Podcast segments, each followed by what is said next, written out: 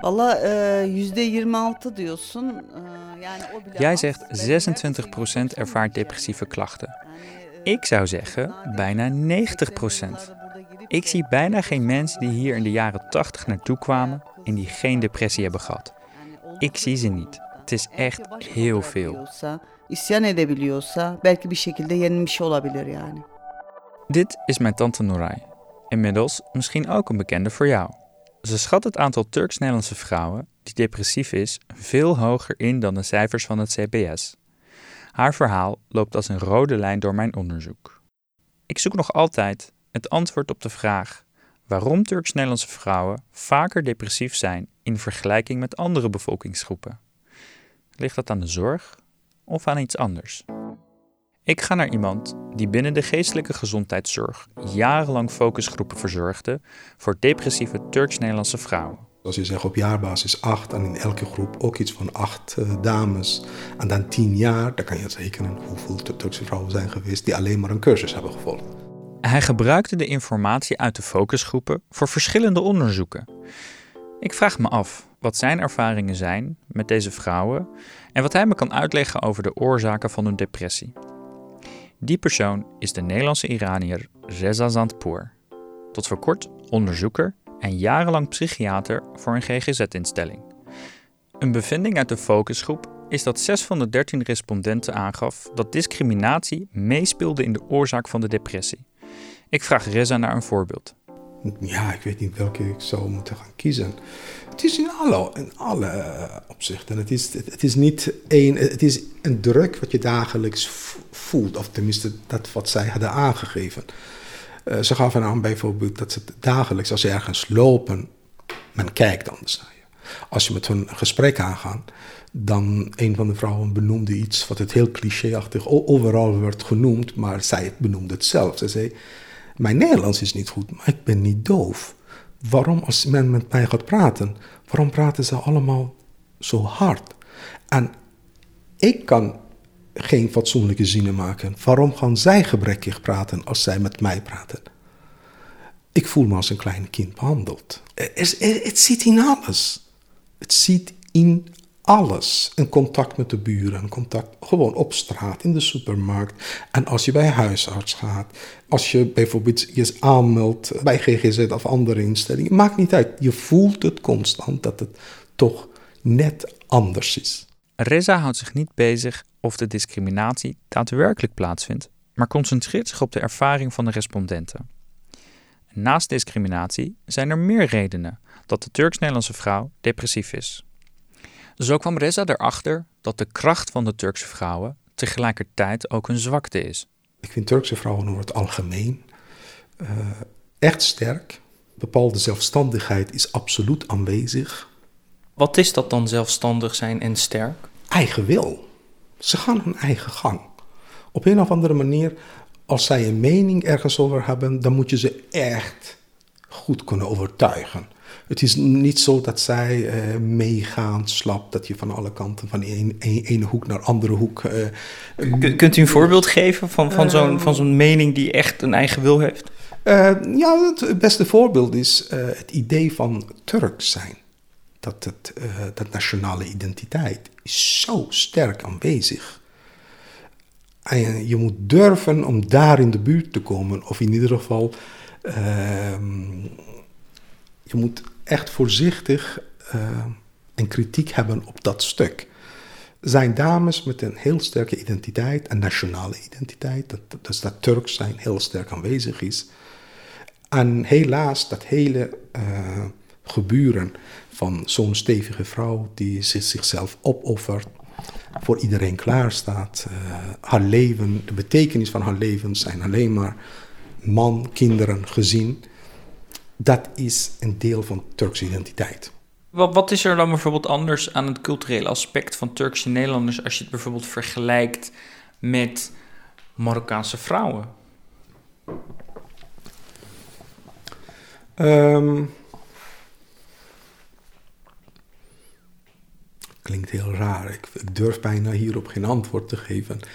Ehm, want het lijkt erop dat ik eh, mijn antwoord wil gaan generaliseren naar bepaalde bevolkingsgroepen, wat, uh, dat zou zeer onjuist zijn als ik zoiets zeg. Ik heb het gevoel binnen mijn eigen cursussen en niet meer dan dat. Dus ik ga absoluut niet over bevolkingsgroepen hebben. Um, gebondenheid van Turkse vrouwen aan culturele achtergrond, aan Turkije, het gevoel van Turk zijn, was meer dan bijvoorbeeld bij Marokkaanse vrouwen. De Marokkaanse vrouwen, daar kon ik min of meer als een individu benaderen. Maar die Turkse vrouw was altijd nog een Turkse vrouw. Ik pak het GGZ-onderzoek van Reza erbij. Wat staat er eigenlijk in? Wat zeggen de vrouwen? Ik voel het achter in mijn hoofd. Het lijkt alsof ik elektrische draden voel achter in mijn hoofd. En dat deze stootjes uitdelen. Nu heeft iedereen het maar over de Nederlandse taal. Terwijl daar geen aandacht voor was toen wij naar Nederland kwamen. We moesten toen alleen maar werken. Er was geen tijd over om de taal te leren. Ik voel me nu met mijn beperkte taalkennis in het nauw gedreven. Ik mocht van mijn man niet naar Nederlandse les. Ik kon snel dingen oppakken en hij was bang dat ik mezelf te veel zou ontwikkelen. Hij probeerde me dom te houden. Uit mijn research blijkt dat er over dit onderwerp alleen kleinschalige onderzoeken zijn gedaan. Onder andere van de GGZ, een adviesrapport van het Trimbos Instituut en artikelen binnen de wetenschap. Ondanks de kleinschalige onderzoeken blijkt dat iedereen telkens tot de conclusie komt dat de zorg voor deze groep niet helemaal werkt. Ik ga naar Jeroen Knipscheer, onderzoeker bij Universiteit Utrecht en psychiater. Ja, ik ben al uh, geruime tijd bezig met uh, allerlei studies en dat gaat steeds eigenlijk over uh, hoe kan de geestelijke gezondheidszorg, hoe kan behandeling in de geestelijke gezondheidszorg zo goed mogelijk worden aangesloten bij de vragen van mensen met een migratieachtergrond. Het lijkt erop dat ik bij Jeroen aan het juiste adres ben. Een van de eerste bevindingen die hij deelt is dat de behandeling op niet-westerse patiënten lang niet altijd aanslaat. Kennelijk is binnen die groepen is er meer uh, problematiek, maar die zou je gewoon op dezelfde manier kunnen behandelen als dat je bij iedereen behandelt.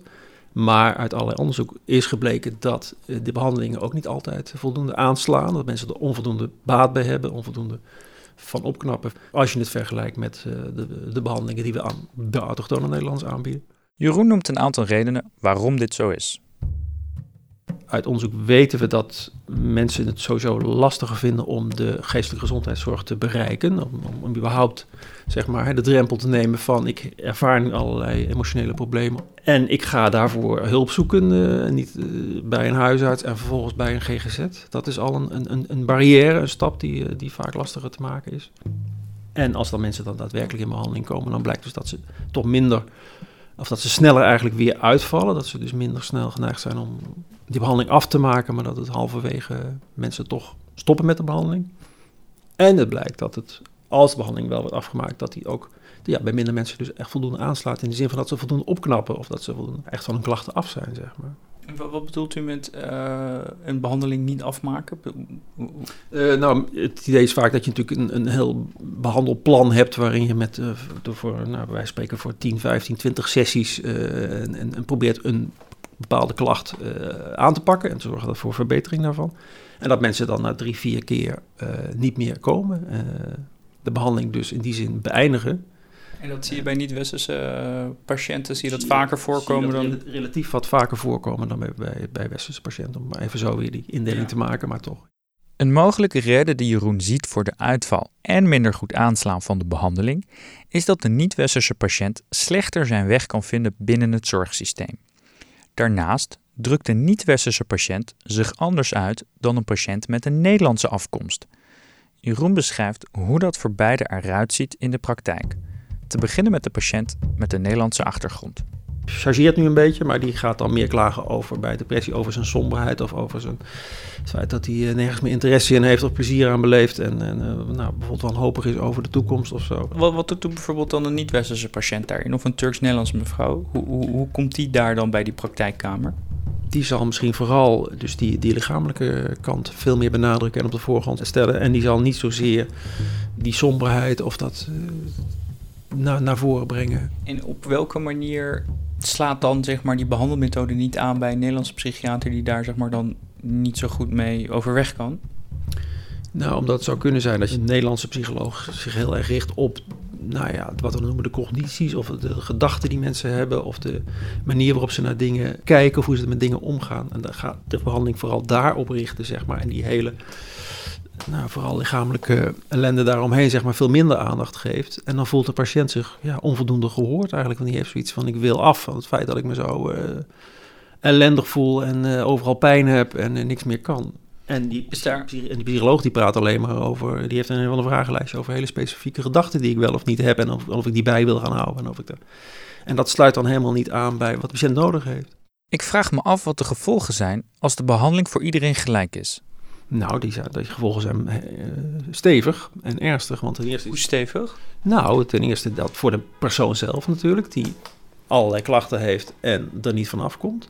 En zich er dan uiteindelijk eh, met alle moed eh, bij elkaar geraapt heeft om daar hulp voor te zoeken. En vervolgens knapt hij er niet van op. Of heeft hij het idee dat hij niet begrepen wordt. Of heeft hij het idee dat hij niet serieus genomen wordt. En dan zit hij, is hij nog verder van huis, want dan heeft hij die klachten nog steeds. En hij weet helemaal niet meer hoe dat nog opgelost moet worden. Dus je hebt het, persoonlijke lijden, zeg maar.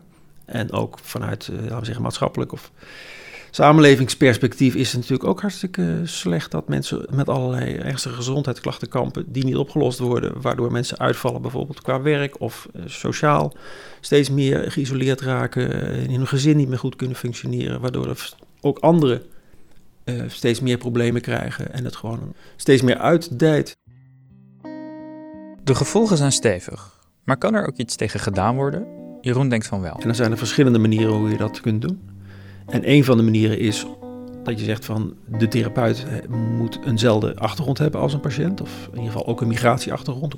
Er is ook een andere manier, de cultuursensitieve benadering. Cultuursensitieve benadering is echt gericht op een andere manier eh, vormgeven van je behandeling, namelijk veel meer ja, oog hebben voor de culturele achtergrond van iemand en wat dat allemaal in zijn beleving, in zijn denken, doen en ziektebeleving. Wat is dat dan precies, dat cultuursensitief benaderen van iemand? Ja, ja, ja. Dat is een, eh, lastig om dat bondig te zeggen, maar het komt erop neer dat je vooral aandacht hebt voor eh, wat cultuur, eh, wat voor invloed dat kan hebben op hoe mensen in het leven staan, hoe mensen kijken naar hun ziekte. En dat je dus niet een bepaald behandelprotocol, wat heel erg bijvoorbeeld in de westerse eh, setting is ontwikkeld, dat je dat zomaar lukraak toepast bij iedereen, maar dat je heel specifiek kijkt naar de persoon die tegenover je zit, de patiënt die tegenover je zit en probeert zo goed mogelijk je behandeling ja, op maat zeg maar, toe te passen op die persoon. Iemand die voortdurend bezig is met deze aanpak is GZ-psycholoog Ibrahim Akaya. Hij behandelt al jaren Turks-Nederlandse vrouwen voor een grote interculturele gezondheidsinstelling. Hij kan me helpen met de vraag of die cultuursensitieve aanpak dan ook echt werkt. Ik vraag hem eerst wat de cultuursensitieve aanpak voor hem betekent. van nature wil men misschien als men wat angstig is en, en een beetje in de put zit, dan zoekt hij wat herkenning. En de herkenning vindt hij bijvoorbeeld in de mooie zwarte haren die ik heb. En wat nog meer? Misschien de onbewuste aansluiting die ik heb met de patiënten. Dat klinkt nog wel een beetje vaag voor mij. Ik vraag naar een typisch Turks voorbeeld. Hij benadrukt dat hij chargeert. Ja, dat betekent dus dat de patiënt die gaat naar een arts en die gaat dan met een gebogen hoofd, eh, een beetje in elkaar gezakt. Die gaat vooral luisteren naar, naar de arts en vooral geen tegenspraak. En de arts zegt, mevrouw, u heeft Die is heel nederig eigenlijk, die patiënt. Nederig, heel nederig. En die wacht gewoon op instructies. Oké, u heeft die en die klachten. Eh, heel directief ook. De arts is heel directief en proactief. En die zegt dan, nou, eh, neem deze medicatie en kom over zes weken terug, bijvoorbeeld. Hè? Ibrahim legt me uit dat er een bepaalde machtsafstand zit tussen Turks-Nederlandse patiënten en Nederlandse zorgverleners. Maar ik snap nog steeds niet hoe zijn behandeling nou werkt. Wat is dan de oplossing? Spreekt u dan alleen Nederlands of ook soms ook Turks? Nee, nee, ik, ik spreek alleen maar Turks natuurlijk. Maar dat is dan, dat is dan ja, toevallig de luxe die ik heb. Ehm, dus Maar ja. gebruikt u dan ook bijvoorbeeld woordjes om, om, om, om bijvoorbeeld een soort van affiniteit mee te delen? Ehm, of hoe, hoe, hoe, hoe gaat dat dan, dat interacteren? Wat, bijvoorbeeld, Ja. zou je in het Turks absoluut wel iets zeggen en in het Nederlands zou je dat niet zeggen? Wat ik bijvoorbeeld doe is, ja, het is... Kijk, bij ons is de, de, het afstand-nabijheidsstukje, het is best wel belangrijk. Kijk, ze vragen heel vaak van waar komt u vandaan uit Turkije? Ja, weet je, als je dat wil weten, dan mag je dat best weten.